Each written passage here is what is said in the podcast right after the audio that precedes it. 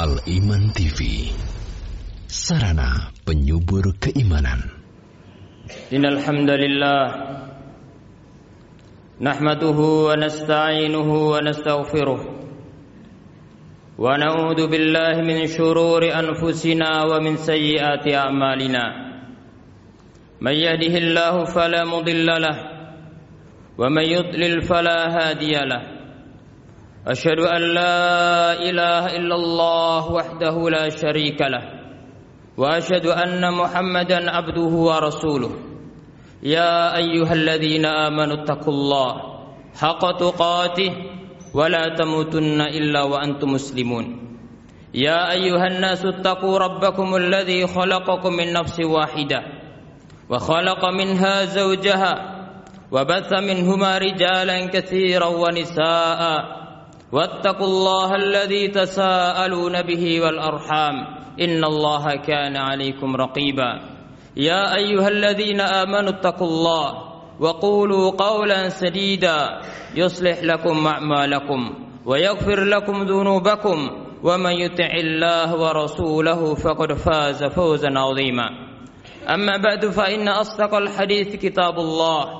وخير الهدي هدي محمد صلى الله عليه وسلم وشر الأمور محدثاتها وكل محدثة بدعة وكل بدعة ضلالة وكل ضلالة في النار معاشر المسلمين جمعة جمعة رحمني ورحمكم الله Puji syukur kepada Allah Subhanahu wa taala atas nikmat-nikmat dan karunia yang Allah berikan kepada kita. Baik nikmat Islam, nikmat iman, kesehatan, kesempatan dan tidak kalah penting adalah nikmat aman sehingga kita dapat menjalankan ibadah kepada Allah Subhanahu wa taala. Kita dapat menjalankan aktivitas kita sebagai hamba Allah. Dan pada siang hari ini kita dapat mendatangi undangan Allah Subhanahu wa taala. Untuk salat Jumat, mendengarkan ayat-ayat Allah mendengar hadis Nabi Shallallahu Alaihi Wasallam. Semoga Allah Subhanahu Wa Taala meningkatkan dan menambahkan nikmatnya kepada kita semua dan semoga Allah menjadikan kita para hambanya yang pandai bersyukur kepada Allah Subhanahu Wa Taala karena lambang kebahagiaan seorang hamba. Yang pertama apabila diberikan nikmat bersyukur. Yang kedua apabila diuji bersabar. Yang ketiga apabila berbuat salah cepat tobat dan istighfar kepada Allah Subhanahu wa taala. Ma'asyiral muslimin, sidang Jumat rahimani wa rahimakumullah. Di antara keistimewaan dan keindahan agama Islam adalah menjaga maslahat dunia dan menjaga maslahat agama. Islam menjaga yang dikenal dengan ad-daruriyat al-khamsah, menjaga agama, Islam menjaga jiwa. Islam menjaga kehormatan. Islam menjaga akal dan Islam juga menjaga harta-harta. Pada kesempatan dua Jumat yang lalu, kita telah membahas tentang hifdzu ad-din, tentang menjaga agama. Dan ini adalah pondasi segala ad-daruriyat, Menjaga agama adalah pondasi segala kebutuhan. Menjaga agama merupakan dasar pondasi untuk menjaga empat hal yang lainnya. Apabila agama ini terjaga dengan sempurna, maka empat hal yang lainnya akan terjaga pula. Dan apabila agama ini tidak terjaga, maka empat yang lainnya juga tidak akan terjaga dengan sebenarnya. Oleh karena itu ma'asyiral muslimin rahimani wa rahimakumullah. Pertama yang paling mendasar yang daknya kita perhatikan bahwa Allah menciptakan kita untuk ibadah kepadanya dan ini adalah bagian daripada tujuan hifdzuddin menjaga agama Allah Subhanahu wa taala. Adapun ma'asyiral muslimin rahimakumullah pada Jumat kali ini kita akan membahas tentang hifdzu an-nafsi yaitu menjaga jiwa-jiwa maksumah dan ini adalah bagian daripada keagungan agama Islam. Yang pertama adalah karena menjaga jiwa juga bagian daripada dasar kehidupan manusia, baik kehidupan agama maupun kehidupan duniawi. Bahkan menjaga jiwa-jiwa adalah termasuk bagian daripada perwujudan terhadap nikmat keamanan yang Allah Subhanahu wa taala berikan kepada kita semua. Apabila jiwa terjaga, maka itu tanda keadaan aman. Akan tapi apabila jiwa maksumah tidak terjaga, di sana ada teror dan seterusnya, maka ini adalah bagian daripada tanda kurang terwujudnya stabilitas keamanan, maka hendaknya masing-masing setiap pribadi, setiap pribadi manusia, setiap muslim ikut mewujudkan bagian daripada hifdud nafs yaitu menjaga agama dan menjaga keamanan. Masyarul muslimin rahimakumullah. Nabi kita yang mulia sallallahu alaihi wasallam bersabda di dalam hadis yang diriwayatkan Bukhari dalam Al-Adabul Mufrad dan diriwayatkan Imam Tirmidzi pula dalam sunannya yang mana Nabi sallallahu alaihi wasallam bersabda, "Man asbaha aminan fi sirbihi, mu'afan fi jasadihi, indahu qutu yaumihi, hizat lahu dunya." Barang siapa yang merasa aman pada dirinya, merasa aman pada keluarganya, merasa aman pada kampung halamannya, dan dia sehat pada jasadnya, dan dia memiliki makanan untuk dimakan pada harinya, hizat lau dunia, maka orang tersebut telah mendapatkan dunia seutuhnya. Masyarul muslim rahimakumullah. Nabi sallallahu alaihi wasallam menggambarkan bahwasanya mendapatkan dunia seutuhnya itu adalah disyaratkan yang pertama seorang aman pada diri dan keluarga dan tempat tinggalnya, aman pada negerinya, kemudian yang kedua sehat pada jasadnya, kemudian seorang hamba mendapatkan makanan cukup untuk harinya, maka ini sudah dianggap mendapatkan dunia seisinya. Masyarul muslimin rahimakumullah. Nabi sallallahu alaihi wasallam ketika menyebutkan tentang kesehatan pada jasadnya, ketika Nabi Shallallahu Alaihi Wasallam menyebutkan tentang yaitu masalah makanan. Sebelum itu Nabi Shallallahu Alaihi Wasallam menyebutkan man asbaha aminan fisirbihi menunjukkan bahwasanya keamanan itu adalah pondasi dalam kehidupan manusia. Bahwasanya keamanan dengan keamanan seorang bisa menikmati kesehatannya, dengan keamanan dia bisa menikmati harta yang Allah berikan kepadanya, dengan keamanan seorang bisa menjalankan sholat Jumat. Dengan keamanan seorang bisa menjalankan haji dan umrah. Dengan keamanan seorang bisa menjalankan aktivitasnya yang penting dan pondasinya. Dengan keamanan seorang bisa mewujudkan maslahat dunia dan maslahat akhirat. Dan di antara bentuk mewujudkan keamanan adalah hifdun nafsi menjaga jiwa-jiwa yang maksumah menjaga jiwa manusia. Dan di antara bentuk hifdzun nafsi adalah berusaha menempuh apa yang menjadi sebab terjaganya jiwa-jiwa maksumah. Masyarul muslimin rahimani wa rahimakumullah. Dan agama Islam sangat perhatian dengan masalah ini. Bahkan mungkin tidak didapati peraturan manusia dalam mewujudkan hifdzun nafsi karena Islam dalam mewujudkan hifdzu al-anfus menjaga jiwa menempuh dua dasar yang paling mendasar. Yang pertama, Islam adalah menempuh yaitu al-maslak al-wiqai. Islam menempuh jalan perbentengan, menempuh jalan pencegahan sebelum terjadi. Islam jauh-jauh sudah mengingatkan akan bahaya adanya pembunuhan dan seterusnya. Allah Subhanahu wa taala mengancam orang-orang yang mengadakan pembunuhan wa may yaqtul mu'minan muta'ammidan fajaza'u jahannam. Siapa yang membunuh seorang mukmin dengan sengaja balasannya adalah di neraka jahanam khalidan fiha dia kekal di dalamnya. Dan Allah memurkai dia dan Allah akan melanatnya.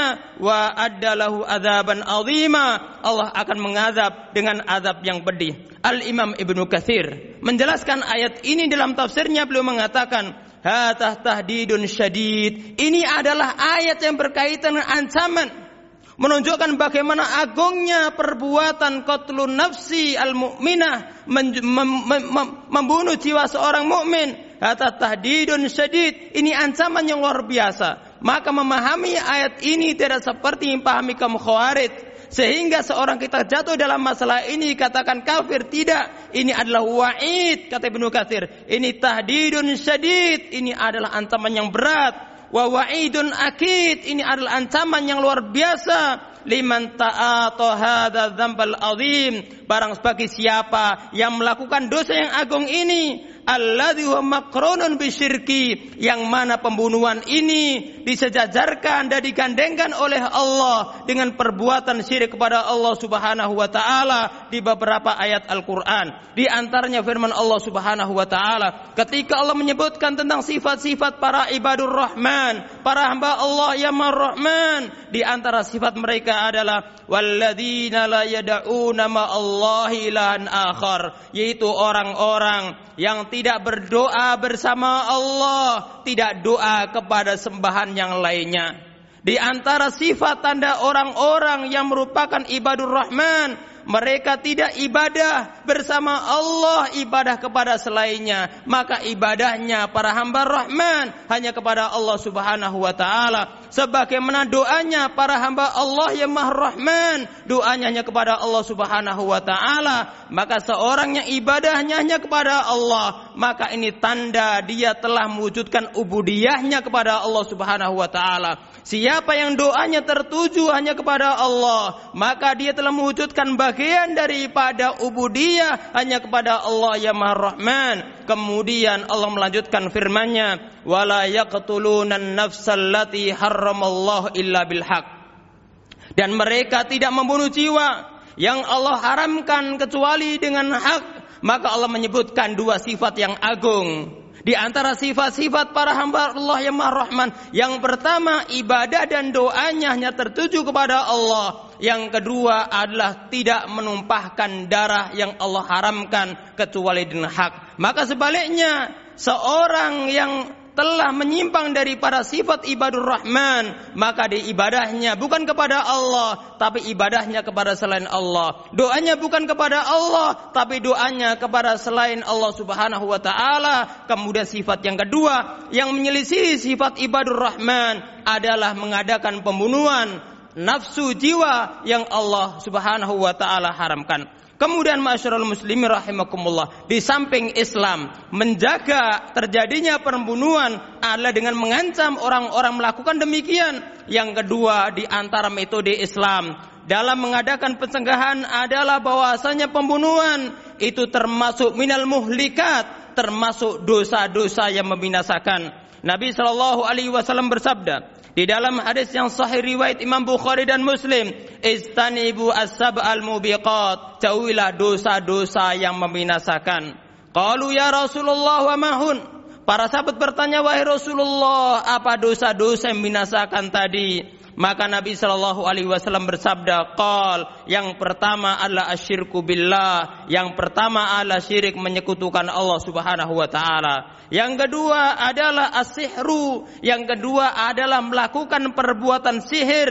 Kemudian yang ketiga adalah qatlun nafsul lati haramallah illa bil haq, yaitu membunuh jiwa yang Allah haramkan kecuali dengan hak. Kemudian yang keempat wa riba, memakan harta riba. Kemudian yang kelima, wa aklu yatim, memakan harta anak yatim. Kemudian yang keenam di antara dosa-dosa membinasakan adalah yaitu watawalli yaumazaf yaitu lari daripada medan peperangan ketika benar-benar terjadi peperangan Kemudian yang ketujuh yaitu qadful muhsanatil mu'minat menuduh wanita-wanita yang suci yang tidak bersalah dengan tuduhan-tuduhan zina. Nabi Shallallahu alaihi wasallam ketika menyebutkan al-muhlikat, dosa-dosa yang membinasakan dalam hadis Bukhari dan Muslim ini di antaranya adalah qatlun nafsul qatlun nafsil lati haramallah illa bil yaitu membunuh jiwa. Kemudian ma'asyiral muslimin rahimakumullah. Nabi sallallahu alaihi wasallam juga bersabda, lan yazal lan yazal al mu'minu fi fashatin min dini ma lam yusib daman harama seorang mukmin senantiasa dalam kebaikan agamanya dalam kelapangan agamanya selama dia tidak menodai darah yang diharamkan oleh Allah tidak diboleh dibunuh hadis riwayat Bukhari rahimahullahu taala. Kemudian masyarul muslimin rahimakumullah. Yang ketiga, di antara metode Islam dalam mengadakan pencegahan akan terjadinya pembunuhan adalah bahwasanya para a'immah, para ulama Islam berdasarkan ayat-ayat dan hadis mereka menganggap bahwasanya pembunuhan itu seagung-agung musibah dunia.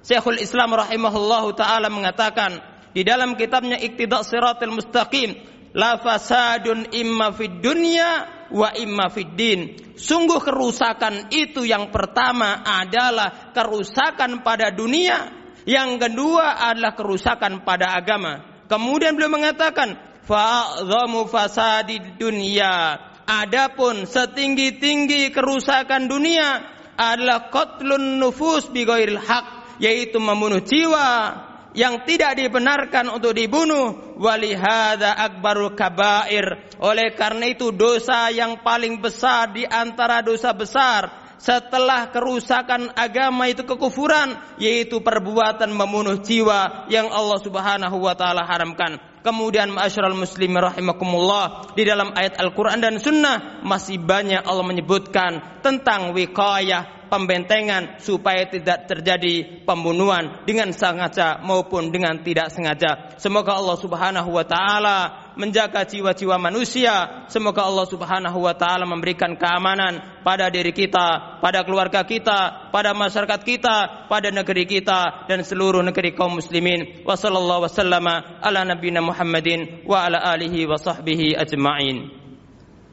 Alhamdulillahi rabbil alamin.